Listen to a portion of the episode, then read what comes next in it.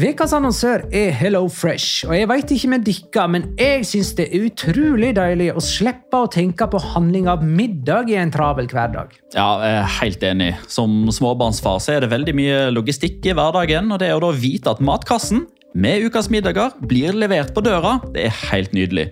Da slipper du impulskjøp på butikken når blodsukkeret er lavt, og når du kommer hjem, kan du bare ta ut posen med dagens ingredienser fra kjøleskapet og sette i gang matlaginga. Ja, du kan velge mellom 25 ulike retter hver uke. Og de har faktisk en egen kategori som heter Raskt og enkelt, med masse enkle og gode oppskrifter. Veldig greit å ikke måtte ty til takeaway hver gang det er hektisk på jobb. Jeg gleder meg spesielt til sterk chilikylling i min neste kasse. Jeg blir sulten bare av å tenke på det. Ja, Det er ikke feil med bacon og cheeseburger heller, da.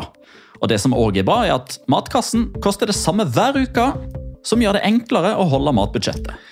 Ja, og så blir det ikke matsvinn heller, fordi du får akkurat det du trenger til hver eneste rett.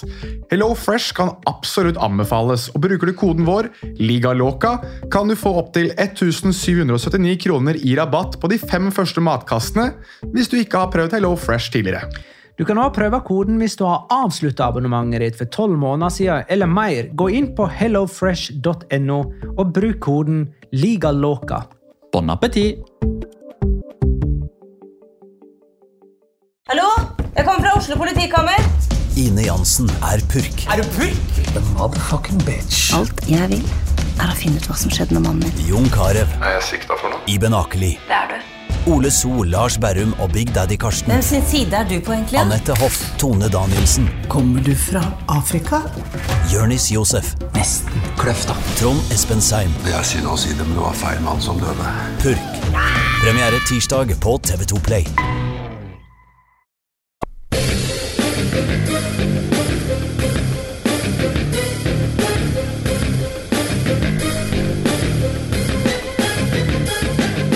Har du sett? Atletico var gode i første omgang, Barcelona var gode i andre omgang. Det måtte bli uavgjort.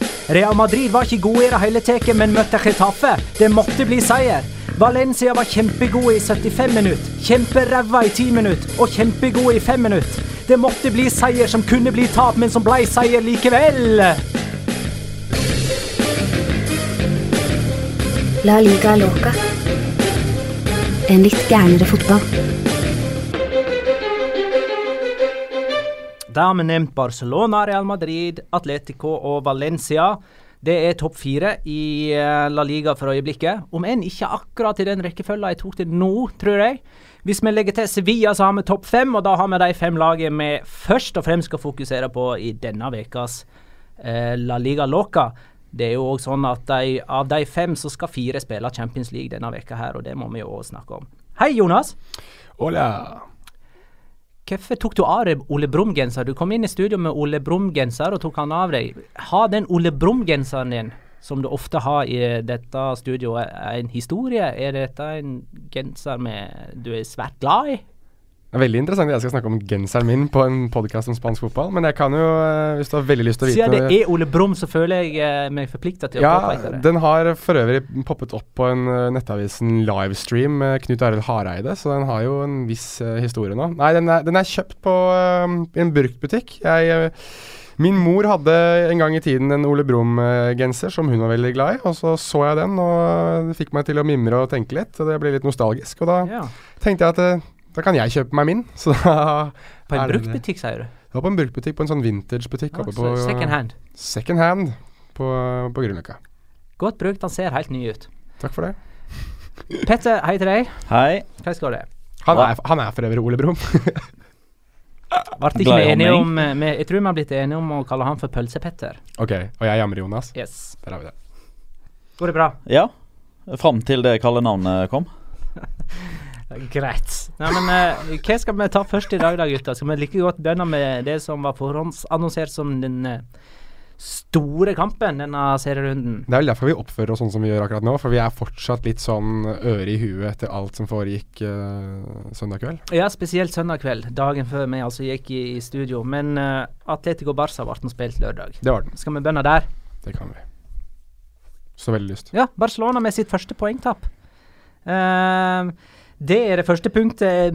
noterer meg etter den eh, kampen. Et annet punkt jeg noterer meg, er at Atletico igjen gir fra seg en ledelse.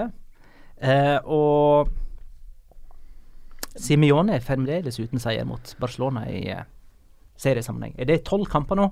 Ja. Mm. Men eh, kampen, da. Skal vi ta det først? Ja, Jeg sier i Kortversjonen eh, i introen var Ja. jo at eh, Atletico var gode i første omgang, Barcelona var gode i, eh, i andre omgang. Um, og de går litt inn i den samme fella som de ofte gjør, ved at i stedet for å forsøke å jakte 2-0, så legger de seg bakpå og forsøker å trygge inn eh, 1-0. Eh, og det viser seg jo gang på gang at det er eh, en dårlig idé mot Barcelona, fordi da får Barcelona uh, spillet over på sine premisser. Da får de eh, masse ballinnehav høyt inne på motstanderes banehalvdel. Messi kommer nærmere eh, mål, Suárez kommer nærmere mål. De får dobla på begge kantene. Og til slutt så klarer ikke Atletico Madrid å, å stå imot. Og det, det valgte jo faktisk eh, Betis-trener Kike Sett igjen å komme med et stikk til Simione. Etter eh, denne sinnssyke kampen mot eh, Valencia, så fikk han jo Jeg husker ikke hva som var bakgrunnen, han fikk vel spørsmål liksom, jeg hvordan kunne dette skje, men liksom seks baklengs og sånn, og da sa han at jeg foretrekker å heller tape på, på denne måten enn å ta ledelsen 1-0, eh, bortimot parkere bussen og få en sein utligning imot helt på slutten. Så et lite stikk fra Kikkesett igjen til Diego Simione der. Og, Som tapte 6-3, by the way. Ja, han gjorde det. Men eh, en del av fokus eh, mot Barcelona etter kampen er liksom at André Gomez er så innmari svak, og hvorfor han fikk starta. Eh, og I tillegg så får Rakitic gjennomgå ganske mye. Jeg vet ikke, dette var et lag som klarte 1-1 på Metropolitano. Er det så verst, da? Nei, jeg syns det er veldig, veldig bra, jeg. Jeg synes uh, etter eh, kampbildet så er det kanskje helt OK. Jeg vet ikke om det er veldig fortjent verken fra eller til, skal jeg være helt ærlig. Barcelona var nærmest seieren. Ja, men, men, men du, du sier jo det at, at kampbildet faller i Barcelonas favør, og, det- og det er jeg helt enig med deg i, men er det ikke samtidig også litt det Atletico Madrid liker, da? At de lik, det er litt det å stå og forsvare seg og så spille på kontringene. De har jo, det er jo sånn de har fungert veldig mange år. Ja, og det har fungert bra mot stort sett alle andre enn eh, Barcelona. Det, og det er jeg helt enig i, men det er vel kanskje det som er forklaring på hvorfor Simione aldri har slått Barcelona også. For Ja. eh, det er liksom hans Det er vel hans kryptonitt til Supermann, eller hva du vil kalle det for noe. ikke sant? At han klarer ikke å stå imot en hel kamp eller en hel omgang engang mot, mot akkurat det. Og jeg synes, når du klarer å utligne mot Atletico Madrid på Metropolitano, eller Vicente Calderón som var tidligere, så synes jeg det, at det er et poeng vunnet mer enn to tapt, altså. Mm. Så jeg, jeg kan uh... Ja, ja, jeg kommenterte jo kampen og sa jo et stykke utover i den andre omgangen at dersom Barcelona uh, da på stillinga 1-0 til Atletico Madrid, om de kommer tilbake inn og drar derfra med ett poeng, så tror jeg de er fornøyd med det, selv om de som prinsipp går på banen for å vinne hver bidige kamp. Ja, og aldri er 100 fornøyd eh, med uavgjort, med mindre de gir et avansement, eller hvis det sikrer eh, en, en ledelse eh, på, på tabellen og sånne type ting. Eh, og med tanke på at de har Altså, de sto med 21 av 21 poeng før den kampen her, og dette var den desidert vanskeligste kampen de hadde til nå denne sesongen. Derfor skal de først avgi poeng. Eh, så er det på mange måter, eh, om ikke greit, så, så er det til å leve med at det er borte mot Atletico Madrid, fordi da har man unnagjort den kanskje nest vanskeligste kampen gjennom sesongen. Ja, ja, ja. Og man har unngått at forspranget ned til Atletico Madrid har blitt mindre. Ja, Men i tillegg også, da, når, når vi snakker om den første gangen til Atletico Madrid, så mener jeg oppriktig talt at det, der skal Atletico Madrid muligens ha en scoring til. Grismann skal i hvert fall ha en scoring på en av de to store han har. Mm. Og jeg mener uansett det, at når man kommer tilbake igjen fra det der, så, så jeg, jeg er helt enig i at eh, det er poeng vunnet mer enn to tapt. Jeg det. Og jeg synes også det Siste episode så snakket vi om mye, og jeg var veldig kritisk til Atletico Madrid, hvorvidt de har sett bra ut i år eller ikke. Eller for to episoder siden blir det vel nå. Og da Jeg mener at det, dette her er den kampen som jeg har sett i år, med unntak av Sevilla kanskje, hvor jeg synes egentlig de har vært best. Jeg synes de har sett ut som seg selv litt mer nå. Greit nok, de slipper inn den på slutten, men, men det der forsvaret de har, den kompakte, den kompakte linjene de har bak der Jeg synes det er mer Atletico Madrid enn noe annet, og jeg synes at er, de ser mer oppofrende ut. Ja, de er mer aggressive i første omgang. Ja, de skaper mer i første omgang. Ja, de ser bedre ut offensivt og kanskje helhetlig i første omgang. Men dette her er mer det Atletico Madrid-laget jeg liker og forventer og synes er best. Mm. Men uh, vi må slakte André Gomez litt, da. Må vi det? Nei, nei vi, vi må ikke, men jeg har lyst til det. Ja, men da Eller jeg, jeg, vil, jeg vil sette Han har et, blitt bra slakta. jeg vil sette eh, et spørsmålstegn ved at Ernesto Valverde velger å bruke han fra start. Mm. Uh, Da fordi sitter sånne som Paulinho, Dennis Suárez på benken fra start. Tenk, Ja, det, og- tenk det, vi lever i en verden der man heller skulle hatt Paulinho på banen. Og nok en gang så kommer det inn en spiller og blir helt sånn avgjørende. Ja. Sergi Roberto. Sergi Roberto som slo ja. innlegget. Og, og dette tvitra jeg etter kampen. Uh, altså de, eh, de sju siste bortekampene som Barcelona har spilt, med André Gomez fra start. 0-4 mot PSG. 1-2 mot Deportivo. Så vant de 4-1 borte mot Granada, men de leda kun 2-1 og han ble tatt av. Så tapte de 2-0 mot Malaga, de tapte 2-0 mot Real Madrid. Så vant de 3-0 mot Español, men de leda kun 1-0 når André Gomez ble bytta ut, og 1-1 mot Atletico Madrid. Det er ikke første gangen at Barcelona sliter med å få resultater som er eh, enten som forventa eller bedre enn forventa, med André Gomez fra start. Og så du oppsummerer dette i at han det er ikke god nok, enkelt og greit? Eh, det Ja, men Hvilken rolle har han egentlig? Jeg, jeg klarer liksom ikke å se hva André Gomez skal gjøre der ute på. og- Altså, han var- sånn han med var tanke jo- på ferdighetene han har. Han var jo høyrekant i 4-4-2. Ja. Jeg Nå i denne kampen her. Ja, i denne kampen her. Eh, altså, og han har blitt altså, eh, altså, I Valencia så var han meget, meget god som indreløper. Ja, han var Da en var av de tre helt sentrale. fantastisk i, i 15-16-sesongen. Da var han Nei, eh, 14-15-sesongen. Da var han strålende. Ja. Da var han fantastisk god.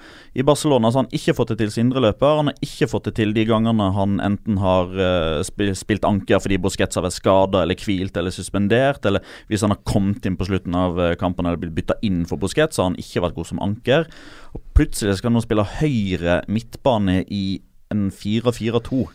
Altså, det, det, det er greit at Valverde som kom inn, han, han, han kan jo ikke fokusere og vektlegge like mye det som skjedde forrige sesong, for det var ikke Valverde der. Da, Mm. da har ikke Valverde noe med det å gjøre. Da har ikke Valverde hatt muligheten til å gjøre de grepene som han kanskje mener må til for å få makspotensialet ut av André Gomez. Men jeg kan ikke fatte og begripe at det skal finnes et makspotensial i André Gomez på en høyre kant i 4-4-2. Det er vel kanskje det at han har kommet til det punktet han nesten må prøve, og se om han får noe ut av han der, da. Jeg vet ikke. Jeg, jeg, Jo, det, men det, det i en bortekamp ja, mot Atletico Madrid ja, ja. Det er jeg helt enig med deg i, og det er sikkert helt klart bedre alternativer der. Men jeg lurer litt på om problemet til André Gomez er litt også det at nå spiller han på et lag der, det- der det er høyere forventninger til ham. Det er enkelte fotballspillere som ikke har klart å gå fra en klubb der det er veldig lave forventninger, og de på en måte har vært en Si det er en stor fisk i en liten dam, til nå at du er eh, en tunfisk i Atlanterhavet. Ikke sant? Det, og det er det det har blitt litt for André Gomez nå. Han skal være en av Altså Spiller du på midtbanen til Barcelona, så skal du per definisjon være en av verdens beste midtbanespillere. Det er han ikke. Og jeg tror det at man, man forventer litt mer at han skal være litt mer av det, og han simpelthen klarer ikke å leve opp til det. Og vi har sett spillere som har gått fra mindre klubber Nå sier jeg mindre i hermetegn her, men Rakitic klarte å ta nivået sitt opp fra Sevilla opp til Barcelona. Men så har vi også sett spillere som, som Krychowiak, eksempel, som gikk fra Sevilla til Paris Saint-Germain og har falt helt gjennom er i, er i West Brom. Så jeg begynner å lure litt på om ikke han André Gomez er mer i Krychowiak-kategorien enn han er i Rakitic-kategorien. Og sånn må det bare være med enkelte fotballspillere. Og når han da blir prøvd ut på en høyrekant, da, som er eh, selvfølgelig helt malplassert, så kan det godt også indikere det at dette, dette er siste sjanse. Du må, du, klarer du noe her, så Jeg har liksom ikke noe annet jeg kan gjøre med deg. Jeg vet ikke hva annet jeg kan gjøre. Kanskje, kanskje Benk. Ja, men samtidig, Ja, litt dårlig gjort å gi han en siste sjanse borte mot Atletico Madrid. Ja, altså, men det kunne, men det kunne ikke han ha fått en litt vennligere kamp og eh, Jo, jo, spille seg i form kunne på, hvis det Men- var det som var Men kunne det være at de prøvde også å, å gjøre den midtbanen og få så mange sentralt som overhodet mulig? Han var, han var en kamp, men han trakk mye innover der også. Men spill Paulinho, da. Ja, ja man, kan, man kan det òg, men kanskje man hadde lyst til å ha en bedre Kanskje man tenkte at man skulle ha en spiller som var bedre med ball, da. Jeg, jeg vet ikke. Og jeg, og jeg vet ikke helt om Dennis Suárez. Ja.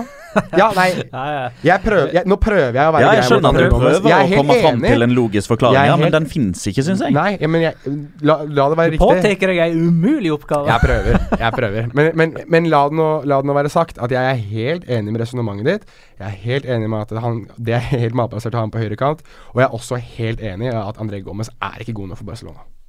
Men en som er god nok på midtbanen, det er eh, riktignok uh, så spiller ikke han for eh, Barcelona, han spiller for eh, Atletico Madrid. Saul Niges. Som snakker om han, eller? Vi kan godt det. Og Nei, men ok, la oss bare snakke om målet, da, hvis det føler heller for det.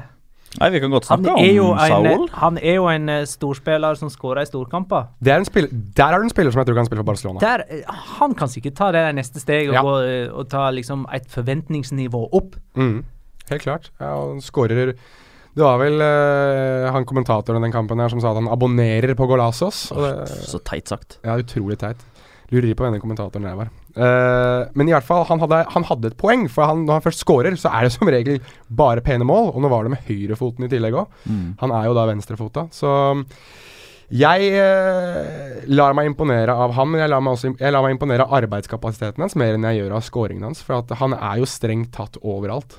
Skåringene er jo krydder, for man forventer jo ikke at Mer Saul skal gjøre sånn. Ja, ja. man si. Ja.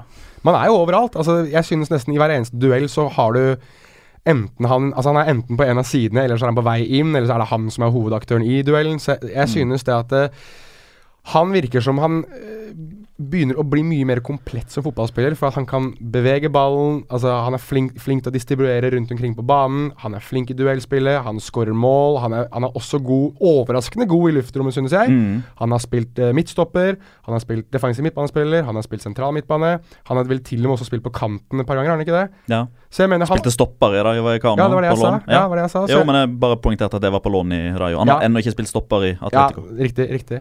Så det her er jo en spiller som på veldig mange måter nesten ser litt komplett ut, syns jeg, da. Og så, er, og så har han òg den liksom annerledes og spennende historikk, eller historie, eh, både på, på godt og vondt. Altså han, han, ble, han har jo sjøl sagt at han ble mobba ut av Real Madrid. Og kom derfor til Atletico Madrid. Ja, ja. Altså han, han trivdes ikke i Real Madrid i det hele tatt. Eh, og derfor endte han opp i Atletico Madrid. Og så har man jo den eh, situasjonen i den, den skaden hans eh, som han fikk mot Leverkosen i Champions League for Ja, tre sesonger siden. Februar 2015, var det vel. Når han uh, fikk en nyreskade som gjorde at han ble liggende på sykehus, uh, fikk ikke reist hjem sammen med, med laget, og som potensielt uh, har både kunne ha vært og eh, hvis han er maks uheldig, så er det en type skade som kan være både karriere- og livstruende. Uh, han har jo òg blitt eh, det er enkelte leger som har sagt at han, han leker litt med helsa si ved å fortsette å spille fotball, fordi det er en kontaktsport. Eh, Plutselig så kommer det en albue inn i eh, nyrepartiet som gjør at det, det får seg en ny trøkk. Da veit man ikke hva konsekvensen av det eventuelt kan bli. Så han, eh, han, Det blir jo sagt rettmessig at, eh, at Saul spiller med, altså Vanligvis så sier man at man spiller med hjertet håper jeg, utenpå drakta. Altså Saul spiller med både hjerte og nyre utenfor eh, drakta. Men jeg syns en av de nydelige tingene med han også er jo Og nå er det sikkert mange som lurer på Kanskje han kan gå til England, kanskje han kan gå til Barcelona, kanskje han kan gå til Real Madrid. Og det er jo en utkjøpsklausul der, men kontrakt i 2026 Det er ganske nydelig å signere niårskontrakt med klubben din. Ja. Det er litt uh, uvant og litt artig. Men, men Barcelona har jo faktisk en uh, forkjøpsrett Ja, e- på Sao, som de David sikra seg Villa. etter da, David Villa ah, gjorde det? gikk til, um, Dette er nyheter for til. Atletico Madrid i 2013. Ja, Um, 13-14-sesongen. Han var der bare én sesong. Så, og, og Barcelona var jo veldig interessert i Saul eh, for to eh, somre siden, og eh, Eller for én sommer siden, og for den som var nå. Eh, men eh, heldigvis så virker det som at eh, Saul Niges er, og på mange måter kommer til å bli, en Atletico Madrid-gutt som ikke nødvendigvis bare ser oppover på klubbrangstigen, men at han ønsker å, å være i klubben over lang tid. Men eh, nå møter de Karabakh, og da må de vinne. Ja, det må de, fordi nå Står har eh, ett poeng i Champions League. Ja, 0-0 borte mot Roma syns jeg var etter skjema, eller som, som forventa. 1-2 hjemme mot Chelsea derimot, det var, det var score i avansementsmulighetene som gjør at eh, de, eh, de er nødt til å ta seks poeng mot uh, Karabakh. Jeg tror de står med null poeng når gruppespillet er ferdig. Jeg Ja. tror ikke Chelsea eller Roma avgir poeng i si, deres respektive returmøter med Karabakh. Det, er, det, er, det blir jo en litt sånn nervøs kamp, dette. Det er jo sånn som eh, Atletico skal vinne. Jeg seg en plass at de har bare vunnet tre av sine siste ti bortekamper i Champions League. Ja, nei, Atletico. Det kan stemme, for de eh, spilte vel uavgjort mot uh, PSV, og så spilte de uavgjort mot De tapte mot Real Madrid. Ja, ikke sant? Det, er så- det å tenke oss Roma. tilbake de ti kampene kan bli en utfordring. Men Ja, jeg bare tenker at de, de spiller nå med, med et stort press, med det at de må vinne. Det gjør de. Er, er det De, de, vinner, de vinner de to kampene her mot Karabakh, og så tror jeg at de må vinne hjemmekampen mot Roma. Uh, jeg tror de kan tape mot Chelsea. Hvis jeg tar de to kampene, da, ja, da har jeg ti poeng hvis jeg tar de to kampene, Ja. og Roma. Ja, Ti poeng skulle holde. Ja, så lenge Roma taper mot Chelsea, tror jeg jeg, jeg, det går ikke an at tre lag tar ti poeng. Med. Nei, men jeg tror, jeg tror Chelsea må bare strengt tatt må bare vinne alle kampene. Jeg tror det er det beste for Atletico Madrid. Tarkel Junossi starta for øvrig for Karabakh på fredag. Kanskje han starter mot Atletico, blir spennende. Barcelona møter Olympiakos. Skulle være grei skuring. Ja. Ernesto Valverde returnerer, hadde jeg nær sagt. Og der skal, det jo de som eh, kommer på besøk til kamp nå, da. Omar El Abdelawi skal på kamp nå. Det er vel eh, Ja, han var ubenytta reserve. mm. Uh, sikkert ble sikkert spara i helga for Olympiakos. Håper for hans del. Håper det for hans del. Til den kampen. Skal vi hoppe videre til Chetaffe mot Real Madrid? Det kan vi godt. Nok en gang så er det et uh, litt sånn oppsiktsvekkende Real Madrid-lag. Ja. Det er greit nok at det er mange som er ute med skader, men i tillegg så blir jo òg Isco og Modric benka fra start. Bale, Carvahall, Navas og Varan ute. Uh, og det er liksom bare med nød og neppe at de klarer å kare seg til en, uh, til en seier. Det, det er liksom jeg, ikke, jeg klarer ikke å huske når jeg ble imponert over Real Madrid denne sesongen, men da, har jeg, da blinksa jeg. De må jo ha et eller annet Dor- Dortmund borte, Ja, okay, og de to kampene mot Nei, i La Liga så har de ikke imponert ut ifra de forventningene man har. Eh, Det er klart 3-1 borte mot Real Sociedad. Godt resultat, godt Ja, gjennomført kamp. Eh, Det er vel kanskje det nærmeste. Eh, Der, der, altså, hvis vi er snille med Real Madrid, så imponerte de der, men samtidig så Forventningene blir jo så skyhøye. Altså hvis hvis et annet lag eksempelvis da hadde vunnet 3-0 borte mot Deportivo, hvis det ikke hadde vært eh, Barcelona eller Real Madrid, kanskje Atletico Madrid, så hadde det liksom vært en, en kanonkamp. Men på Real Madrid så er det liksom det vi forventer. Så liksom, ja, OK dag på jobben. Vant med tre mål. Mm. Ronaldo skåra sitt første. Ja, Etter å ha bomma på verdens for en bom. største målsjanse. Gud bedre. Det, jeg har Da syns jeg faktisk synd på han. jeg, det der, da- Ja, man henger i nettet der etterpå. Ja. og faktisk viser sånn herre eh, oppgitt følelse, Ja, for- og ikke bare sånn herre Ikke forbannelse Se hvor sur jeg er-følelse. Nei, og han, og, han, og han så ikke etter unnskyldninger. Altså Han, han kjefta ikke på for at liksom headinga var for hard, eller at eh, ballen stussa feil i gresset. eller noe sånt. Det var liksom bare en oppgitthet. det var ikke sånn herre 'fy søren hvor uheldig jeg er-type reaksjon heller, som man gjerne har eh, nærmest sånn uttrykk for, da. Det var bare rein oppgitthet. Herregud, at det går an. Ja, han hadde, han hadde Jeg kan, kan ikke huske han har hatt en så stor miss jeg, siden han var i Manchester United. Han bomma på åpent mål én gang, eh, Mm. i en Lia Cup-kamp, liksom, i 2006 eller noe sånt. Jeg har aldri sett Ronaldo og jeg, Men han har en enorm bomfrekvens nå. Jo da, men, men, Ja, altså, han men ikke på sånn. mange. Men ikke Mm. men ikke på dette er den sånne største. Enig i det. muligheter. Ja, Men ting går litt i bolker der. Eh, det var litt sånn for, for to sesonger siden, så husker jeg, da gikk han òg relativt ofte måles av banen på høsten. Men plutselig så kom det liksom sånn fem mål borte mot Español. Fire mål hjemme Ja, ja. mot Granada. Eh, og, og det, det er litt sånn med Cristiano Ronaldo, fordi altså, han har, altså utad så har han liksom en, en, en sjøltillit som ikke går an til å stille spørsmålstegn med, annet enn kanskje er den litt for stor eh, av og til. Altså Cristiano Ronaldo har ikke problemer med sjøltilliten. Men, men akkurat det med å komme inn i Steam, der, eh, der er han litt sånn av og på. For han kan ha tolv skudd på rad som går eh, opp på amfiteateret på eh, Santiago Bernabeu, altså den andre tribuneseksjonen. Men nå har han jo hatt 28, da, til og med. Jo, men inni inn, Jo, jo. Det var, My det var point Mark, exactly. Mark kom fram til at han hadde hatt 28 avslutninger før han Ja. endelig skåra nå. Men så, Ikke ser man, bare i denne kampen, men så ser altså. man på Champions League, da. Der har han jo skåra på nesten 50% av de siste 14-15-16 skuddene han har. Altså Der går halvparten av skuddene i mål. Så det, det, det kommer i bolker. Kan det være at han er eh, altså motivasjonsnivået hans er høyere i Champions League. Jeg, jeg, jeg er helt enig. Champions League er hans turnering. Ja, men det er, det er, det er den der, de rekordene han og Messi Hvem har mest mål? Nå har- jo Ronaldo mest. Ja. Men kan, kan det ligge noe der? At han, som du sier, egoet hans er jo mål. Altså Hver gang han scorer, så blir egoet hans litt større. Og jo, jo lenger han har den rekorden foran Messi i Champions League, den største turneringen i klubbfotball i verden, jo, jo mer Jo større er han kanskje, da. Jeg vet ikke om, han, om det er kanskje det som virkelig motiverer han i en alder av 32. Han blir 33 neste år. Det kan jo være at det ligger noe i det.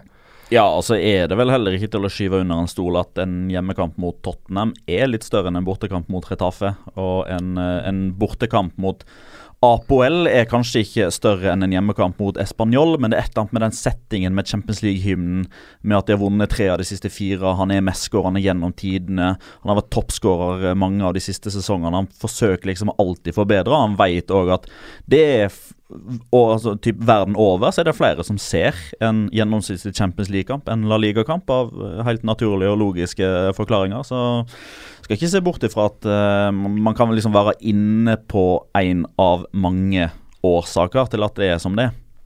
Benzema skåra òg sitt første mål. Tilbake fra skade. Ja, men likevel uh, ja. Ja, men Han har jo ikke spilt Var dette første kampen hans? Nei da, det var det ikke. Han hadde det jo den der forf nei, nei. Han hadde jo den forferdelige kampen hjemme mot Valencia. Han hadde 600 Ja, ja. sjanser eller noe sånt.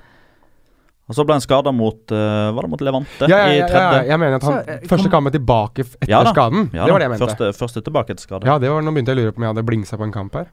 Men eh, nei, han eh, Jeg syns han så frisk ut, jeg. Jeg, jeg. jeg er ikke så veldig stor Karim Benzema-fan, det har jeg egentlig aldri vært. Men eh, jeg synes den kampen her så han veldig veldig god ut. Frisk og liksom ga noe en ny, en ny essens i det der Madrid-angrepet. Eller noe de i hvert fall ser ut til å ha manglet. Det, det er noe med at BBC denne sesongen har bidratt forbløffende lite. De har vært skada alle mann, eller suspendert. Ja, ja.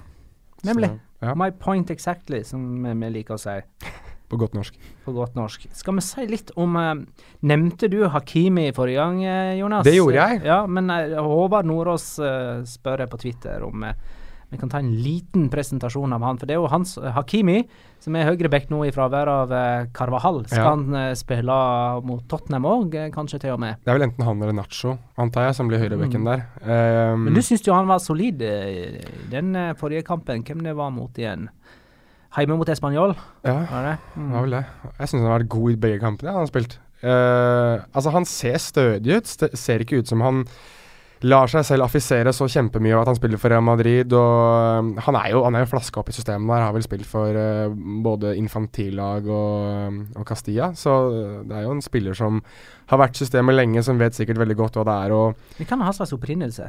Han er marokkaner. Marokkaner, ja. Ja, Han spiller på det marokkanske landslaget. Han spilte hele kampen mot Gabon da de vant 3-0. nå. Så han har ikke delt statsborgerskapet eller noe? Jo da, han har Ja. begge deler. Han er Både spansk og marokkansk. Men eh, Marokko har jo er vel kanskje verdens mest aggressive landslag nå på å prøve å rekruttere de uh, spillerne de kan som har dobbelt eh, statsborgerskap. Og han har spilt for Marokko nå en del ganger og har blitt fast inventar på høyrebekken der. Og har vært stødig og god der. Ass har vært stødig og god de to kampene han har spilt for Real Madrid. Og en spiller som jeg Jeg tror ikke at han kommer til å ta over plassen til Carvajal. Altså Så fort Carvajal er tilbake, så er den plassen hans, selvfølgelig.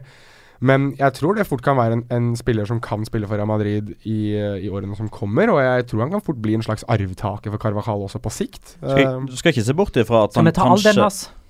Ja, Han er født i 98, så han er 19 år gammel. Der ser du. Eller han fyller 19 senere i år. Det Lurer jeg på. tror jeg han Sjekk opp det mens jeg eh, Det jeg fortsetter på mitt uh, Han kan bli en uh, Carvajal-kopi'-argumentasjonen argumentasjonen min. Du skal ikke se bort ifra at uh, f.eks. neste sesong så blir han leid ut eller Ja, solgt med ja. tilbakekjøpsklausul til en Mhm. Tysk klubb. Ikke nødvendigvis tysk. Ikke nødvendigvis. ja, Hvis han skal være en blå kopi, så er det Leverkosen. Eh, men det kan være en annen tysk klubb, eller en eh, type Valencia, Sevilla, eh, sjiktet bak eh, Barca, Real Madrid og Atletico, for at han skal få den faste rutinen med å spille eh, helg ut, midtuke inn, mot god motstand på et godt lag hele veien. Mm. Og så kommer han tilbake igjen og er fit for fight og tar den kampen. Ta opp neven og kjemper mot Carvajal om hvem som skal være førstevalget. For at uh, Ashraf Hakimi har et veldig høyt potensial. Det er det ingen som helst tvil om. Uh, men uh, jeg tror ikke han starter mot Tottenham. Jeg tror Zidane der kjører litt sånn safety first med, med Nacho som, uh, som høyreback og Varan inn som stoppa med Ramos. så nå har du latt deg imponere litt? Grann.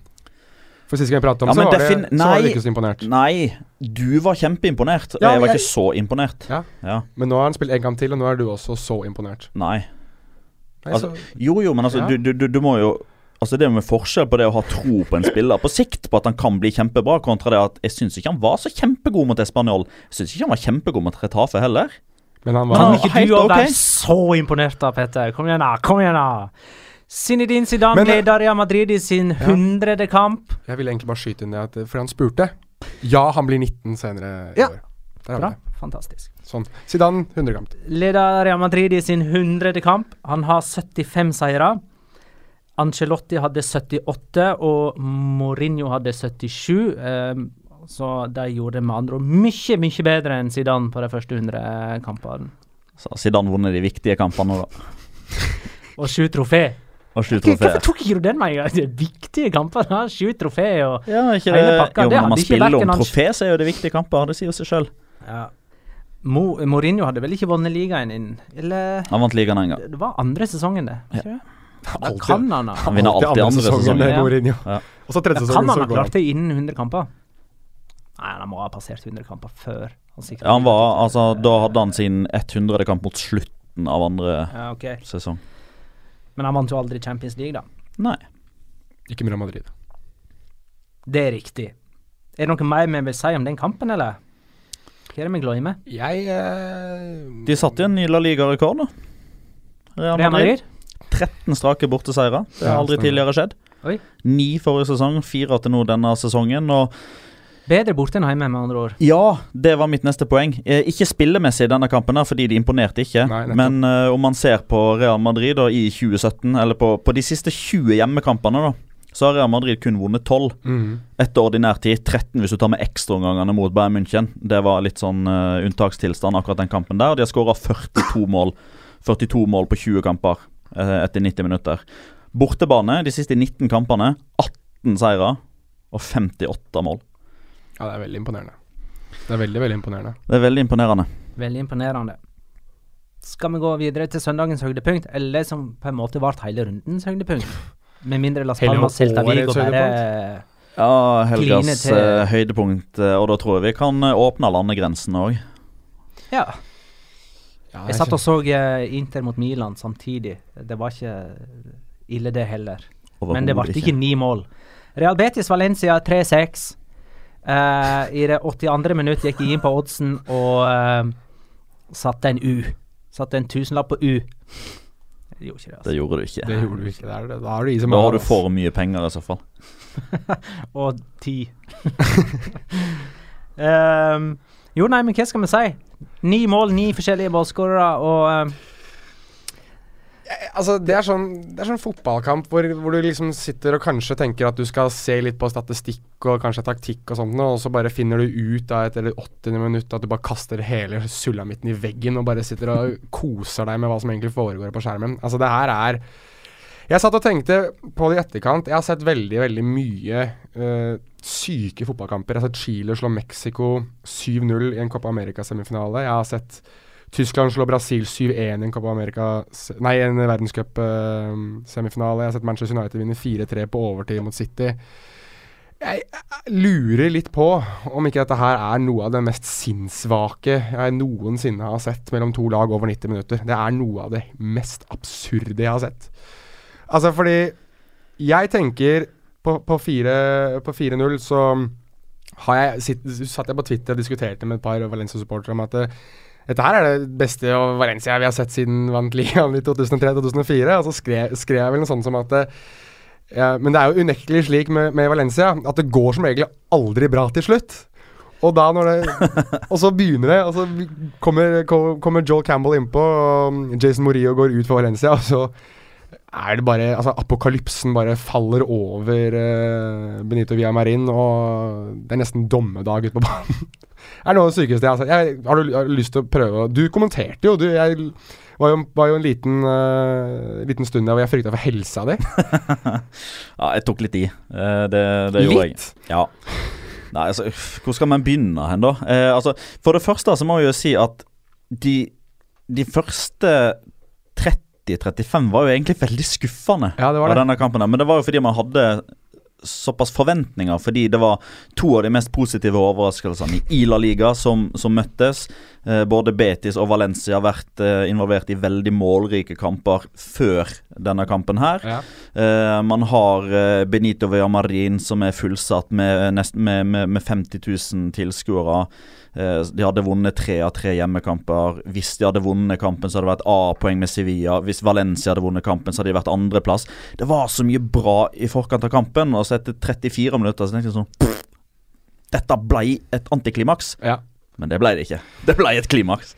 Nei, for Det var jo overraskende hvor ufattelig gode Valencia skulle være. da, Iallfall sånn stillingsmessig på ja, Det å lede 2-0 til pause liksom, på Benito Via Marin, den Mm. så jeg ikke komme. At det skulle gå opp i 3-0, så jeg ikke komme, og iallfall ikke 4. Og så så jeg ikke det som skulle komme etter der igjen heller. Uh, men hva er det egentlig som skjer med uh, et Marcellino-lag? Jeg har litt lyst til å snakke om det, for det var jo på en måte den defensive det defensive fundamentet han tok via Real til en topp fire-plassering med. Det, det virker å være helt vekke. Det driver bare og vinner 3-2 og 6-3 og Altså, det som, det som overrasker meg litt med Valencia, da, at det, det, det overrasker meg at de er så gode i kontringsspillet. Ja. Og, og det at de da skårer tre mot Atletic, tre mot Real Sociedad, seks mot Betis, fem mot Malaga, eh, det, det gjør vel kanskje at man ikke lenger trenger å være så solide defensivt. da At der man forventer at Valencia kanskje skal vinne sånn 1-0-2-0 fordi Marcelino er en type som ikke nødvendigvis alltid går etter den andre skåringa. Men så har Valencia nå så mange gode kontringsspillere. Sasa, Rodrigo, Pereira, Gedes, eh, Parejo, Carlos Soler. At de får den 2-0-skåringa likevel. Og så kommer Santimina inn, og så får de 3-0. Og da viser det seg jo at Dani Parejo eksempelvis eh, Han mister noen prosenter i konsentrasjonen. fordi han skjønner at Den, dette, dette får den ikke klassiske prosentmissen til Ja. Parejo. Han Ja, Dette får alltid- ikke konsekvenser. Alltid. Det kommer alltid. Ja. Kommer alltid. Da, da tenker man dette får ikke konsekvenser. Ja ja, så, så reduserer de, da. Så, ja ja, så reduserer de en gang til, da. Ops, de reduserer en gang til, ja!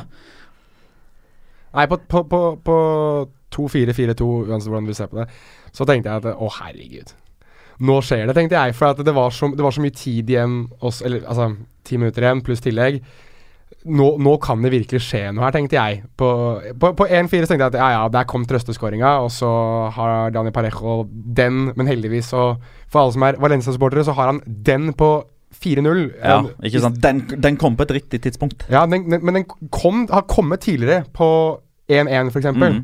Eh, Ja, det har det. Så, jeg, jeg tenker jo, tenkte jo litt det at eh, Ja, ja. Det er, det er liksom throwback. Der har du nye, nye Valencia møter gamle Valencia.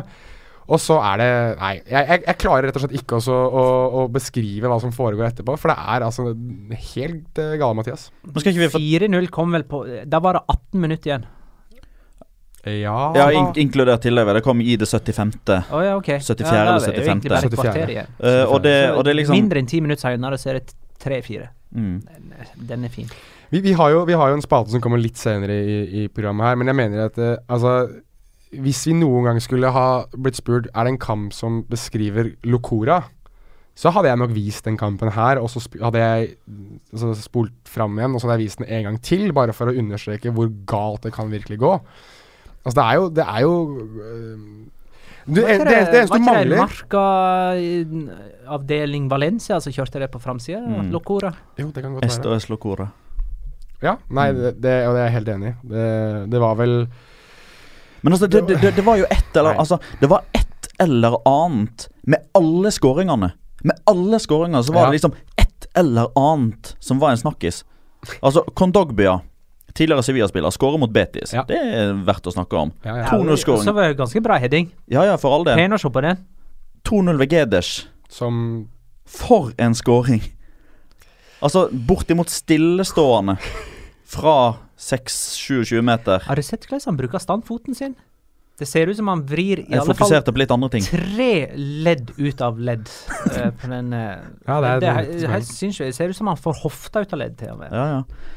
Og så, så har du straffebommen til Sergio León. Neto legger igjen foten. Altså, Det er jo ikke Diego Alves som er god på straffer, det er jo bare Valencia-keeperne generelt. Altså, Bare det å ha på seg keeperdrakta til Valencia, så redder du straffespark i 60 av tilfellene. Sånn er det jo bare. Det har blitt sånn i hvert fall, ja. Og så har du 3-0-skåringa til Rodrigo Moreno, som skårer i femte kamp på rad.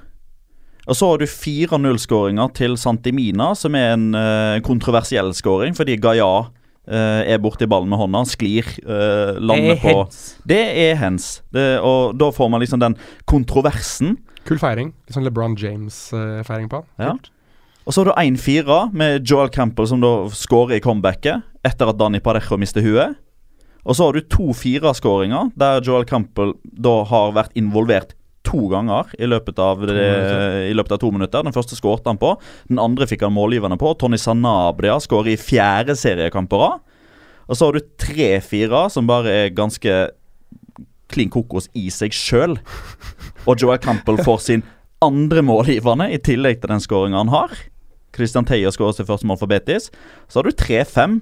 Simone Sasa som skader seg mens han skyter og skårer i fjerde kamp på rad. Og så har du 3-6 Andreas Pereira, som kanskje sånn totalt sett er faktisk den fineste skåringa, fordi jeg tar med forarbeidet til Gonzalo Gedes. Der han vinner ballen fra Dormisi, unngår taklinga fra eh, Dormisi, løper som bare han og Chori Castro kan.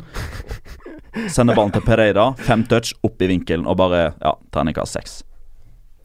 Det var noe ved Altså- alle skåringene. Ja, du har det. Både Sasa og Rodrigo har skåra i de fire siste kampene for Valencia. Mm. Rodrigo har til og med skåra i fem på rad. Den så jeg altså ikke komme. Og det er ikke første gang siden 2015. Det Nei, er første det- gang siden 1952 at to Valencia-spillere har skåra i de fire samme kampene på rad. Og de het Gi meg et sekund. Jeg fikk veldig lyst til å vite hvem det var. Det er Sokrates og Fuertes, ifølge Pedrito Numeros. Det var fem mål på de siste tolv minuttene av kampen, og det var flere mål enn i noen av de andre kampene. Ja, nei, det var he helt sjukt. Helt sjukt. Og det er vel første, første, andre gang at det har vært så mange målskårere i, i en som Det var jo ni ulike målskårere. Ja, det har aldri vært ti. Nei, men det har skjedd, har vært, uh, det har skjedd dette var tredje gangen at det var ni forskjellige. Ok, ja. Men dette var den eneste historien der alle ni målene har hatt ni forskjellige. Fordi de to andre kampene der det har vært ni forskjellige målskårere, så har det vært ti mål. Ja, nettopp. Så det var ni, ni målskårere, i tillegg til Sergio Leon, som da brant straffe. Han skåra jo ikke for øvrig. Nei, så nettopp. Sergio Leon er vi litt eh, sure på akkurat i dag i statistikkhjørnet. Da vet du det. Da har du fått det fra Petter. Ja, Da er Valencia oppe på tredje, da. Andre. Andre. De er framfor Real Madrid. Ja. En av eh, Hva blir det? En av tre lag som ikke har tapt ennå. Mm. Atletico Madrid og Barcelona. Ja. Den hadde vi ikke sett komme før uh, seriestart! Niks. Og de har Sevilla i neste runde. For en kamp. Og da vil de jo allerede ha unnagjort kamper mot Real Madrid, Atletico Madrid, Atletic, Sevilla og Betis. Mm. Og da starta nedturen. Da kommer nedturen. Da kommer det sånn Å herregud, jeg kommer til å avgi så mange sånne tullete poeng. Jeg Ja. bare ser det for meg. De har spilt bort mot Real Sociedad òg. Ja, De har jo hatt det vanskeligste programmet, de, sammen med Atletico Madrid. og så taper de 1-0 hjemme mot Eibar. Ja. Ja. Det gjør de. I kjent Valencia-stil. Er det en tidligere Valencia-spiller der som kommer til å skåre målet mot de? Uh, ja, det er det. David Lomban. Da vet du det. Du Da hørte det her først. Da kan, kan du sette, sette spill på det. En kamp som eh, ikke levde opp til forventningene, eh, var Atletic eh, Sevilla. Skal vi si noe mer om det, eller? Nei, ikke så mye å si, egentlig. Jeg er er det Sevilla sitt andre tap, dette. Ja, de tapte òg Mm. mot Atletico Madrid. De har et Eh. ganske sjukt program. De er s- Bilbao nå, altså bortimot Atletic da, i, nå i helga som var. Og så skal de til Moskva og med avspark klokka kvart på ti i eh, Champions League. Og så er de borte mot eh, Valencia. Ja, kvart på ti lokal tid. Ja. Ja. Ja, de, ligger en time framfor. Steven Sonsia med skade. Ja, hvordan gikk det? Den eh, Han spiller ikke mot uh, Spartak. Uh, meget tvilsomt til spill mot uh, Valencia. Det er kjempetap, tror jeg. Det er Mm. ordentlig tap for dem. Da, Mm. Men, men Det ble 1-0 til Atletic på samme Den- sånn at det er sagt. den åttende strake seieren innbyrdes, det er oppsiktsvekkende. Til De Atletic mot Åtte eh, siste seriekampene på gamle og nye San Mames, så har Atletic vunnet. De har vunnet en del på San, eh, Ramón Sánchez Picuan nå, har ikke det? Noen av de kampene ja. i den perioden, i alle fall. Ja. Det virker å ha et ganske bra tak på eh, Sevilla, de. Mhm. Hvis ikke det er noe mer å, å ta.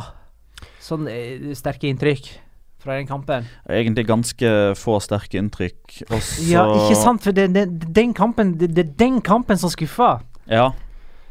Jeg synes det jeg det, ja.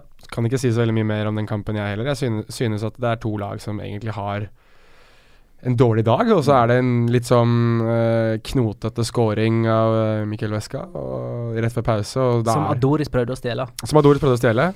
Så jeg mener det er uh, Og det kanskje oppsummerer kampen litt, da, når eh, spillere begynner å stjele scoring. Men jeg, men jeg har faktisk fått en, en liten ny favoritt, faktisk, i La Liga. Ikke, ikke topp tre, men kanskje inne på topp 10, topp 15. Kan jeg gjette? Ja, Hvis du har lest tweetsa mine, så vet du det. Nei, det pleier jeg ikke å gjøre. Nei. Jeg har faktisk ikke Jeg gjør, gjør jo det, egentlig det, men jeg vet ikke hvem det er. Men jeg, gjetter, jeg kan gjette på at det er Unai Lopez eller noe sånt Da. Nei. Nei, det vet jeg ikke. Han heter Unai Núñez, eh, forresten. Onay Núñez. Nei, det er Guido Pizarro. Unai Lopez var i uh, Atletic, men ikke nå lenger. Så jeg, Det er der du har det fra. jeg har det. Du har det fra et sted. Det var ikke helt feil. Men Guido Pizarro, Mm. eh, som lenge har vært en sånn spiller som veldig mange har hylt om at måtte til Europa. Spilte lenge, lenge i, eh, i Tigres i Mexico. Sånn spiller som mange mente at var for god for ligaen, og gråt faktisk på flyplassen da han skulle fly fra Mexico til, til Sevilla. Ville Ville vel til Sevilla, men ville ikke til Sevilla, for han var så glad i, eh, i, eh, i eh, Tigres. Og ja, har vært med på å skape et veldig, veldig godt lag der. Og jeg synes at han er egentlig ganske undervurdert, og kanskje er en sånn spiller som burde vært inne på det, på det um, argentinske landslaget. Det var snakk Han har vært i troppen, da. Han har vært i troppen, men han har ikke spilt så mye. Og det har såpass mye av diskusjonen vært at det var snakk om han hvorvidt han kanskje skulle spille for Mexico. Uh, fordi han har, vel, han har vel vært der såpass lenge at han kvalifiserte til, til meksikansk statsborgerskap. Og, så, og det var vel da uh, Argentina begynte å ta han inn på landslaget, da den diskusjonen kom opp. Og har vel kanskje innhopp eller to eller noe sånt for, for Argentina, jeg er ikke sikker. Men han er i hvert fall en spiller som har en ganske interessant historie. For han er en sånn late bloomer, i hvert fall late bloomer in Europe, da. Og han kommer nok til å få en veldig veldig sentral rolle nå som uh, Nå som en sånn ser i hvert fall ut i en eller to kamper. All right. Ehm, per eh, mandag eh, er det 16. oktober. Ja. Snart halv ni på kvelden. Så har enda ikke Mitchell fått sparken som trener i eh, Malaga. Nei. De tapte 2-0 hjemme mot Leganes, ligger helt sist med ett stakkarslig poeng. Det, er, det jeg lurer på, er om Mitchell kanskje får lov til å være trener ei uke til, ettersom de, de skal spille borte mot Barcelona til helga, at det er litt kjipt å la en ny trener debutere der. Hadde ikke vært typisk Spania om de faktisk ansatte en ny trener til den kampen? Ja, men Altani, er ikke det han som fortsatt har ei hånd med Malaga? Ja, han er president, ja. Ja, så mm, jeg mener, han er jo ikke spanjol. Gjør ikke det den spanske måten. Nei, det kan jo godt være. Las Palmas øh, gjorde ikke det, men det ble sånn fordi Manolo Marquez valgte å trekke seg sjøl. Paco Ayestad han debuterte jo bort mot øh, Barcelona. Jeg tenker kanskje det Borte mot Barcelona kan jo kanskje være en grei kamp å debutere i, fordi det er null forventninger. Du kan teste litt, du kan uh, Ingen forventer at du skal ta poeng. Ja, og hvis de har planer om å kjøre min strategi, da, la han bare få den siste kampen der. Og så blir det sånn 0-0 eller 0-1. Og så kan de ikke sparke han Så kan de ikke sparke han. han. Får han ei livline? Nei, men det skjer vel ikke. Gjør det? Jeg ser ikke um, Han lever på lånt De har veldig gode resultater mot Barcelona de siste ja, tre sesongene. Ja, Malaga. Klarte 0-0 begge i forrige sesong, ikke det? Nei, De vant 2-0 hjemme. Det Ja. var når Ja, Neymar det utvist. ble det- De holdt utvist. nullen i begge Ja. Og det jeg. Og så har de jo Mm. spilt eh, 0-0 to av de siste tre på Camp Nou, hvis jeg ikke husker helt feil. Ja. Men uh, det er jo ikke noe skam å tappe mot Leganes. Det er jo nummer seks på tabellen. Endelig så topper de laget for framover på banen òg. Eh, for øvrig, hvis vi går litt sånn uh, Tar litt eh, sånn runde nå, da. Viareal vant eh, borte mot eh, Girona 2-1. Bakambu er den som sørger for at uh, Viareal enn så lenge holder seg vekke fra nedrykksstriden. Han uh, skårer alle målene deres, og er nå den uh, nest mest skårende, sammen med Sasa, bak eh, Messi på toppskårerlista. Han har skåra de sju siste målene for Viareal. Mm. One man De, team. nei, de, de seks siste. One man team. Akkurat nå så er det nesten lov å si det. altså. Det var vel slik som Guardiola fikk kritikk fra Porcetino for å kalle Tottenham for The Harry Kane Team. Så kan vi vel kanskje Ja. kalle Villarreal for det Bakambu Bakambu Team, Team. ja. Ja. Bakambo dependencia. Gå videre du, Magna. Jeg liker den derre smack my bitch up-feiringen han har på skåringene sine. Ja, den er fin. ja jo, men han hopper liksom liksom bortover sidelengs og har tre sånne dask. Med, med håndflata. Ja, Dask, ja. dask, dask. Litt Hva sånn, er det der? eh? Han dasker motstanderne sånn er litt sånn throwback til sånn der 2002 rappvideo Snoop Dogg-opplegg. Ja. Drop it Smack like it's bitch up hot. er vel Prodigy, men de var vel litt sånn på den Kul sang for øvrig. Ja. Uh, Senere denne kvelden så spiller altså Las Palmas mot Celta Vigo. Det skjer ikke i Vigo, da. I Galicia. Der Nei, det det får vi nesten si heldigvis. Der det nå eh, er et inferno av branner. Uh, Visstnok mange av dem, om ikke alle, er påtente. Ja. Ifølge Mm. den galisiske presidenten. Hva er det som skjer? Det, det er i Portugal òg driver og pågår. ja, Galicia går inn i Portugal også. Ja. Ja, det er skremmende greier. Det er vel Men det er, er, det, er det ikke noe sånn Altså, jeg, jeg eh, snakker med noen som, som eh, kjenner Jeg snakker med noen som kjenner noen i Vigo, og slik jeg har forstått det, så er det noe, noe greier med at hvis du Hvis eh, huset ditt eller bygningen eller sånt brenner ned, så betyr det at staten må hjelpe med å bygge det opp igjen. At det er noe sånn um, mye av det som brennes ned, eller i hvert fall forsøkes å brennes ned, er ting som mange mener at det burde ha vært restaurert uansett. Men så er jo problemet det at når det brenner ned én, så plutselig så tar det jo fyr et annet sted òg. At dette fortsetter. Ehm, hvis, ikke jeg, hvis ikke jeg har misforstått det helt, da. Men, men uh, det er visst noe sånn Det er en, det er en, form, det er en form for, uh, for protest da, mot et eller annet. Slik jeg, men det hørte jeg ikke for alle. jeg tør ikke å spekulere. Nei, det altså. Det har ikke blitt sånn grundig dekka i norsk Nei. presse heller, for det er noen som har kledd seg ut i indianerkostyme og sånt, som vi heller må snakke om. Men disclaimer, bare for å ha sagt det. Jeg vet ikke helt hva det dreier seg om, men det er, den, det, er det jeg har forstått ut av det. Jeg nevner for øvrig at Eibar og Deportivo spilte 0-0. Español Levante det samme. Har jeg glemt noen kamper, da? Det har du. Alaves er altså Sociedad. Ja! Oyarzabal og greier. Vi fikk altså en scoring der Odriozola assisterte Oyarzabal. Ja, det var uh, scoring i baskerhimmelen. To av mine Når vi snakker om darlings, så uh, er det ikke Unai Lopez eller Unai Núñez for min del. Det er uh? Odriozola og Oyarzabal er begge to uh, spillere jeg har uh, hylt og vint om nå um, et par ganger i løpet av sesongen. I hvert fall, i hvert fall førstemann. Og, eh, så det er gøy, gøy å se at det, det funker for de, for de to. Jeg så for øvrig Dette var jo en seier jeg trengte. Hadde ikke de tre tap på rad eller noe nå? Petter, Real Sociedad. jeg De hadde fire tap på rad, og så den 4-4-kampen mot Real Betis. Ah, okay. Den som var den gal galskapskampen før denne, denne 3-6-kampen. Den, den ble faktisk toppa. Den Tenk- gjorde det. Tenk det. Tenk at det er mulig. Jeg, for å skyte nå, jeg bare noterte en ting angående, angående Real Sociedad. De skal prøve, eller i hvert fall forslag om å prøve denne provisoriske tribunen Ja. en gang til. I uh, Europaligaen. Ja, men da skal de ha den litt lenger vekk Ja. fra mål, slik Sånn at ingen kan dette opp på kameramenn. Ja, De detter bare ned på tartandekket i stedet for på en kameramann. Men Johannes Strand spør om uh, k- hva vi tror om uh, hvordan Real Sociedad nå prioriterer Europaligaen. Det er det jeg neste som står for tur. Ja, torsdag. altså jeg, jeg syns det er vanskelig nå i midten av oktober å si at uh, i eh, desember og i mars og kanskje i april så kommer de til å eh, prioritere det ene foran det andre. Altså det, det er en sånn eventualitetssituasjon for meg. Uh, ikke at det er et ord som fins, men eh, de, de må jo bare se an hvordan de ligger an. Eh, altså Hvis, eh, hvis Eusebio ser i, eh, i månedsskiftet november-desember at eh, de, de er nummer ti eh, De har betryggende avstand ned til eh, 18.-plassen. De har langt opp til fjerdeplassen. De trenger å slå eh, Rosenborg på Lerkendal. De må eh, sannsynligvis ha et resultat hjemme mot Zenit. Eh, da tror jeg man kan få en situasjon der man ser et toppa lag i Europaligaen, eh, og litt mer eh, hipp som happ mot, eh, mot Eibar og mot eh, Malaga. Samme er det jo i, uh, i februar-mars, når sluttspillet kommer. Hvis uh, Real Sociedad fortsatt er med, så kommer det litt an på motstanderen. Altså Hvis man møter f.eks.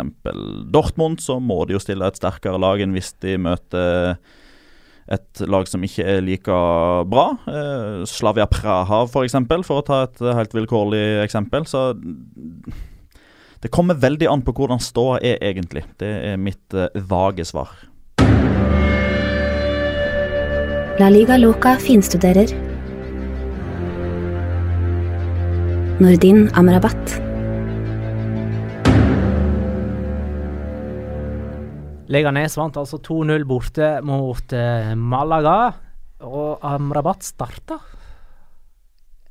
Ja, han gjorde det. Han uh, startet sin første Han var god. Nei, det var han, Han ikke. var, Han var applaudert god. av bana Og, De applauderte for han gikk av banen, ikke fordi han var god. De var og glade for at han eh, gikk av banen. Malaga-supporterne var takknemlige Ja, de var den glade for at han gikk av banen. hadde, eh, De var glade for at han gikk av banen. Så de slapp å se han resten av kvelden. var under pesadilla Nei, for han- Malaga. En av de beste spillerne denne runden. Han fikk jo Paul Beis til å se ut som Beis. Beis er Beis Det er vel kanskje måten å oppsummere dem på. Men før vi går på han, så vil jeg si en annen ting. Jeg bare vil, vil poengtere en morsom, en morsom statistikk jeg fant ut mens jeg så den kampen her. Er det at Ivan Cuellar, keeperen til Leganes, er jo den som har flest smultringer i eh, La Liga så langt, med seks. Uh, og så var det jo da uh, Selvfølgelig så måtte jeg da pine meg igjennom 60 minutter med Nordin Amrabat. Og jeg funnet, endelig jeg, jeg har jo da annonsert litt det at jeg har endelig funnet ut Når jeg har sagt at han løper som en gås, og det står jeg på, for han vadler og løper, han løper ikke. Men jeg har funnet ut han er eh, Han er et spesielt dyr. Fordi eh, da Hannibal eh, tok, tok med seg hæren sin over Alpene eller Pyreneen, eller hvor det var han var, så hadde han med seg en rekke krigselefanter. Og det er det Norden Amrabat er. Han er en krigselefant. For han er brei som en låvedør, og han løper ned absolutt det som er. Det var slik Hannibal vant veldig mange av sine kriger, ved å ha krigselefanter som overrumplet motstanderne sine, og løp de rett og slett ned. Og det er nettopp det Norden Amrabat gjør. Han løper ned motstanderne sine som en krigselefant. Han hadde et par eh, situasjoner i den kampen her. Nå, jeg hadde et, et ark, men i beste Amrabat-stil så er det forsvunnet fra PC-en min. Så jeg får, ikke, får da ikke poengtert når og hvor de kom. Men han hadde et par situasjoner der han var god. Han skulle hatt et mål der han tok en touch som var for lang. Selvfølgelig. Eh, men han har noen involveringer her og der. Men det som irriterer meg aller mest, mine venner, er han har begynt å få stjernenykker. Har noen, la dere merke til det? Han begynner å kjefte og hyle og skrike på spillere. Og der tenker jeg det at For en spiller som jeg personlig mener er så begrenset, og jeg syns egentlig ikke var noe god Jeg skjønner ikke hvorfor dere mener han var så god. Så syns jeg det er ganske pinlig. Kan det ha noe med din inngang til eh, vurderinga å gjøre? Det kan godt ha noe med min det, Dette er vel en grunn til at vi har den spalten her, er vel fordi at jeg ikke liker mannen. Og jeg syns ikke han er noen god fotballspiller. Jeg kan godt være med på at han gjør et par ting som er egentlig ganske bra for laget sitt. Jeg kan være med på det. Han har involveringer som er gode. Men han, helhetlig så er, er, er det så mye Det skal være så mye mer fotballspiller. Det at han snakker hardt til medspillerne sine, betyr bare at han er et bra kapteinsemne. Å, herregud, ikke begynn. ikke begynn. Det er engasjement. Ja, men det er flott at Det er han har det. ektefølt. Ja da. Ja, Han har Leganes-verdien eh, i sjela allerede. Nei, jeg, eh, jeg eh, synes at uh, han han gjør visse ting som er bra, og det er, og jeg er helt med på. Men han, er, han løper ned spillere som jeg lurer på om skulle vært blåst. Litt sånn Krig, bulldoser-tendenser. krigselefant. Kjempebra. Krigselefant. Akkurat det Leganes trenger. Muligens, men jeg, Og det er på sjetteplass. Ja, jeg, det er ikke på grunn av han. Det er ikke av han overhodet. Men jeg, eh, jeg eh, er helt uenig med alle som sier at han var god. Ukens La Liga Locura. Locura. Locura. Locura. La Liga Locura. Ja, noen som har lyst til å Ja, jeg kan, jeg kan begynne. Jeg har vært uh, beskjeden de siste gangene. Nei, men altså Det, det, altså, det, det, det er jo fåfengt og eh, dumt egentlig å ta noe annet enn noe fra Betis Valencia. Denne, det er faktisk- det er Så faktisk klart, det. Har dere funnet noe annet, ære være dere. Altså, jeg, kom- jeg, jeg, jeg kom ikke eh, foruten den. Eh, og det er liksom egentlig bare hele kampen i seg sjøl. Og jeg skal poengtere hvorfor. Fordi det er når jeg sitter og kommenterer fotballkamper, så pleier jeg eh, å gjøre eh, andre ting eh, samtidig. Eh, altså Jeg vasker ikke gulv eller henger opp klær, eller noe sånt men jeg er på Twitter. Uh, jeg svarer hvis det er noen som lurer på noe. Jeg leser for å se om det er noe jeg har oversett, og sånn type ting.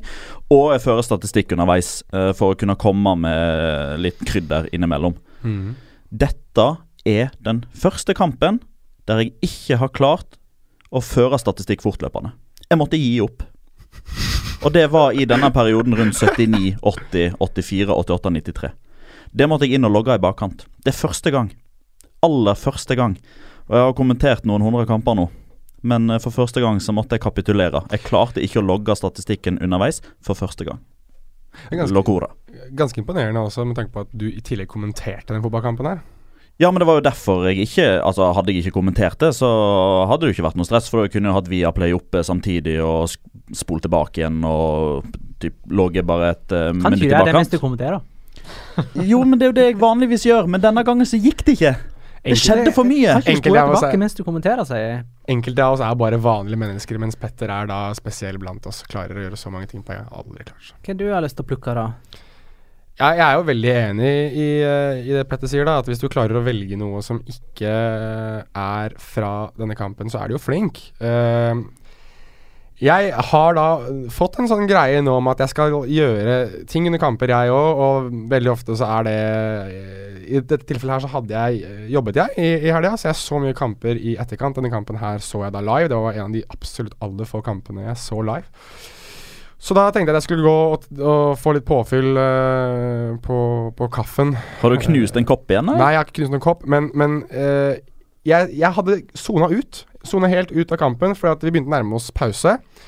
Og så kommer eh, Carlos Solers første skudd, for det er jo først en redning fra Dan der, som er eh, veldig god. Som vekker meg litt opp på Oi, nå må, jeg, nå må jeg følge med. Og så virker det som kanskje kommer en klarering, og så skal jeg til å reise meg opp. Og så står Gonzalo Gaders, Står nærmest stillestående og hamrer til. Og jeg, og, altså, jeg klarer ikke å reagere fort nok, for jeg, jeg er på vei opp idet han skyter. Og idet ballen smeller i, i krysset, så er jeg Sekundet etterpå så er jeg på sofaen. Jeg står oppe på sofaen og hyler på TV-en min. Uh, og hva jeg hyler, vet jeg egentlig ikke. Men altså, at det skal være mulig å stå stillestående, nærmest stillestående, og skyte den der ballen der fra 25 midt i krysset Adan, Adan tror jo den skal, er, er på vei ut. Han er jo nede på et kne og greier. Og når du ser eh, reprisen etterpå, som eh, du poengterte her i stad altså, han, han ligger jo nærmest. Altså, det ser jo ut som halve kroppen hans er ute av ledd. Men det jeg også legger merke til, er at han skyter den ballen så hardt at han klarer ikke å stå, ikke å stå på stamfoten sin. Han, han liksom faller over, hopper opp. Jeg vet ikke om han helt eh, vet hva som skjer sjøl der. Men det er et sånt stjernetreff som du ser én gang i, eh, i skuddåret, nærmest. Og det er da jeg, jeg, altså, jeg kan ikke komme på å ha sett en bedre scoring i, i 2017 enn det der. Um, nei. Jeg har, Så det er komplettamente locora for meg. jeg har lyst til å få en eh, hashtag til å trende jeg nå. Ja, kom igjen. Ja, Kom an, vi har ikke hele kvelden. Jo. Vi må få en uh, 'Vi vil ha webcam på Jonas mens han ser fotballkamp'. Hashtag. Det høres ut som det er veldig gøy å sitte og se på deg når du ser fotball. Ja, det skjer et og annet. Når du knuser ting og ligger på gulvet og fjernkontroller går hytt og pine. Og Ja, det, jeg, har eh, fått uh, kneskade under fotballkamper og greier òg, jeg, så det Det er sikkert kjempegøy å se på når, når det først er gøy, men det er vel ikke alle kamper. Det, er veldig, det er veldig mye sitte stille og se på skjermen og ikke si så veldig mye, og så Oi, fin scoring. Men eh, Galskap, Magnar. Vi har jo ikke Vi har ikke nevnt piruetten til eh, Diego Godin med et ord. Har vi vel? Finta han tok på Messi. Ja, den er nydelig. Zidane-finta fra Diego Godin. Um, vi har jo faktisk fått eh, spørsmål også fra Rasmus Wold, som jo driver You'll Never Talk Alone-podkasten. Liverpool-podkast om hvem som er de ti beste stopperne i La Liga, og hvilke typer er de. Jeg tror, jeg tror han først og fremst nå vil at vi skal shortliste aktuelle Liverpool-spillere til å gå inn i, i, i eh, midtforsvaret deres. Ja, De kunne Eh, trengt det. Hæ? Det er mange på mange La Liga de kunne trengt. Si Vi, sånn. vi kunne sikkert ha nevnt ti som er bedre enn Lovren. Jeg tror vi kunne nevnt 100 som er bedre enn Klavan. ja, Klavan. Nei, men- jeg lurer på om vi skal vie det der litt mer tid eh, neste gang, kanskje. Akkurat det spørsmålet. Men Diego Godin er en av de, spør du meg, da. Ja, han uh, helt oppe for meg. Eh, Ferdighetsmessig ja, realistisk nei. nei, nei, nei. Ja, ja. Nei, altså eh, Han Ja, han er jo topp top ti. Top Jo, ti, men- Og hvilken type det er. jo. For altså, det der er en spiller som kan et og annet med ball. Ja, ja, absolutt. Og det vil jo være blant uh, kriteriene når vi skal liste opp det der. Ja, men så poengterte jo du òg at han var jo på mange måter litt ute etter alternativer Ja, ja, som. Liverpool kunne henta. Der er jo ikke gått inn. Nei, nei, men de liker ikke å være realistiske heller når de ser etter Et- Eller ber eh, oss eh, Et, al et alternativ da, som er i Atletico Madrid, som er fra Uruguay, og som, som kan bli Ja, ja det er sånn eh, det er, det er sånn du uttaler det. José Marie Jimenez. Ja. Som har vel kontrakt ut sesongen? Eller er det ett år etter det? 2019, tror jeg. 2019, ja. Ja. Ja, men det er faktisk interessant, for der er jo Lucas eh, foran i køen nå, så han er ikke lenger tredje valg, han er fjerde valg. Ja. Altså, Det begynte jo med at det var Godin og Jimenez, mm. og så ble det Godin og Savic. Ja. Og så var man litt usikker på om det var Savic eller Jimenez som var best. Mm. Og nå har liksom Lukas kommet og gått forbi Jimenez, og kanskje snart òg er foran Savic. OK, men skal vi ta en kjapp topp fem, da? Ja, de Eh, fire, da, pluss men skal vi- men skal- men vi har ikke nevnt Eimerick Laporte ennå heller. Han har vi- vært linka til Ja. et vell av engelske klubber. Men skal vi ta Skal vi, når vi sier kjappe, fem, skal det være fem som er realistiske, som vi tenker kan i teorien gå til Liverpool? For jeg Ja, og som er bedre enn Klavan og Eller ja, i alle fall Lovren, da. Ja. Lomban eh, Jimenez, For Ja. Atletico, Laporte, Ja. for Atletic, Inigo Martinez. ja. Sociedad, eller Real Sociedad. Ja, den uh, Inigo Martinez er jo kul. Mm. Uh, Hvem andre kan vi ta da? Den, den, nå- thinking caps on, uh, gentlemen. Han, Altså, det er jo eh, ikke Valencia-spilleren som ble bytta ut. Uh, Murillo. Morillo. Men er han realistisk, da? Morillo? Ikke med det aller første, kanskje, i, som i januar, men kanskje til sommeren. Men hvorfor er ikke han realistisk? Han kan nettopp ankommet, da? Han er jo på lån. Ja, så kan han Ikke det en han opsjon eh, der? Jo, men ikke obligatorisk. Det er det på Kondogbia, tror jeg. Og der, der jeg tror de, de avtalepapirene der tror jeg er litt uh, sånn uh, Om ikke grums, uh, så i hvert fall litt sånn viss om at det er dersom at det. For det, du har jo Kondogbia som er involvert, du har Cancelo som gikk motsatt vei. Det var plutselig veldig mye Inter Valencia exchange of papers. Ja. Ta en til, kom til, bare- kom til en til, da. skal, vi si, skal vi ta Morio med, da? Så har vi, Ja. har vi fire mann. Ja, Da har vi fire, da trenger vi en til. Eh, Pareja. Nei, jeg sier jeg Vet du hvem jeg altså. sier? Jeg sier, og jeg vet at Petter kommer til å Ja, himle med øynene. Maurizio Lemos. På. Ja, du må altså- si eh, klubben nå. Las Palmas. Der økte faktisk baklengssnittet til Liverpool. Greit. Eh, I Er Locora det mulig? sammenheng, siden vi fortsatt er der ikke- jeg jeg uh, beit meg merke i en sånn her Cristiano Ronaldo look-alike på Coliseum Alfonso Ja. Perez. Eh, og vi har jo sett mange duster som springer ut på banen og skal omfavne Lionel Messi eller Cristiano Ronaldo, men jeg har aldri sett en full kit wanker gjøre det med akkurat samme kroppsfasong som Ronaldo. Samme høgde, samme hårfrisyre og full Cristiano Ronaldo. Det så ut som det at han hadde planlagt det i fem år og gått på gymmen for å få Cristiano Ronaldo-kropp. Da jeg så en, de eh, første bildet, der, så trodde jeg det var Ronaldo som ble eskortert ut av politiet eller vakter. Fordi jeg, jeg er litt redd for at vi skal få litt sånn uh, backlash her. Det minnet meg Det er en Twitter-bruker som uh, den da vante La Liga-supporter kanskje har notert seg. Som er veldig, veldig, veldig Cristiano Ronaldo-inspirert. Og jeg trodde oppriktig talt det først var han.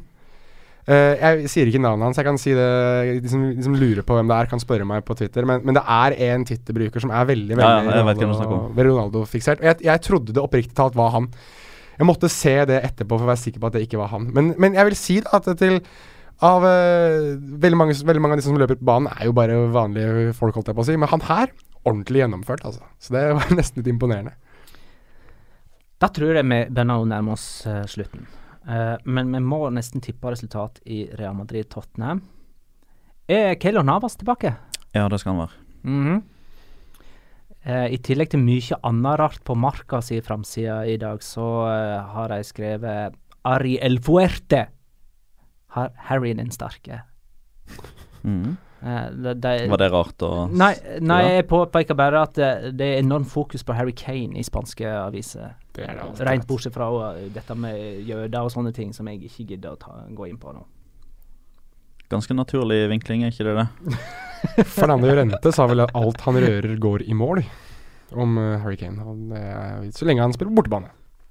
Han har ti mål totalt i år. Ja. To på, på hjemmebane. Og forvent mye snakk om det neste døgnet at uh, Real Madrid er interessert i Harry Kane, og kanskje neste sommer eller en gang i framtiden så er det han som tar over nominirrolla i Real Madrid. Men eh, resultat, da? 3-1. Nå tok du min. Du faktisk min nå. Alle på 3-1 til Real Madrid? ja Ja. Ja, det står på tre. Er det Har- Harry Kane som skårer, det? Harry Ja. Kane skårer det målet. Og så er det sikkert det som er eh, Asensio. Isco og Benzema. Cristiano Ronaldo skårer hat trick. eh, Ramos, Ronaldo og Ashraf Hakimi. Nei da. Eh, Benzema, sistemann. Er, Er det bare det vi skal tippe? Kan vi ikke Ja, vi, vi kan godt ta en skal større tippe runde. enda mer. Karabakh Atletico 0-1. 0-2. 1-1. Oi, der er jeg ute. Barcelona Olympiakos 4-1. 5-0. 3-0. Spartak Moskva Sevilla 1-1. 1-1. 1-1. Kult. Jeg bare, jeg, jeg bare husker for, for ei uke siden så satt vi jo her uh, og snakka inn mot neste runde. Det pleier vi å gjøre. Uh, og da sa jo jeg at den sykeste kampen uh, den runden som kommer, altså den som er nå, mm. kom til å bli Las Palmas Celta Vigo. Tenker du det tilbake? Så der er det ti mål i vente, hvis jeg har rett. Den Det starter kommer jeg ikke til å ha. Den starter nå. Eller om, nei, om et kvarter. Ja. Tusen takk for at du lytta, kjære lytter. Tusen takk for positiv respons. Tusen takk til alle spørsmål vi har fått. Eh, Beklager at ikke vi tok alle de, i- men kanskje vi plukker det opp igjen eh, seinere. Ha ei god Champions League-uke. Ha det, da. Ha det. Ha det.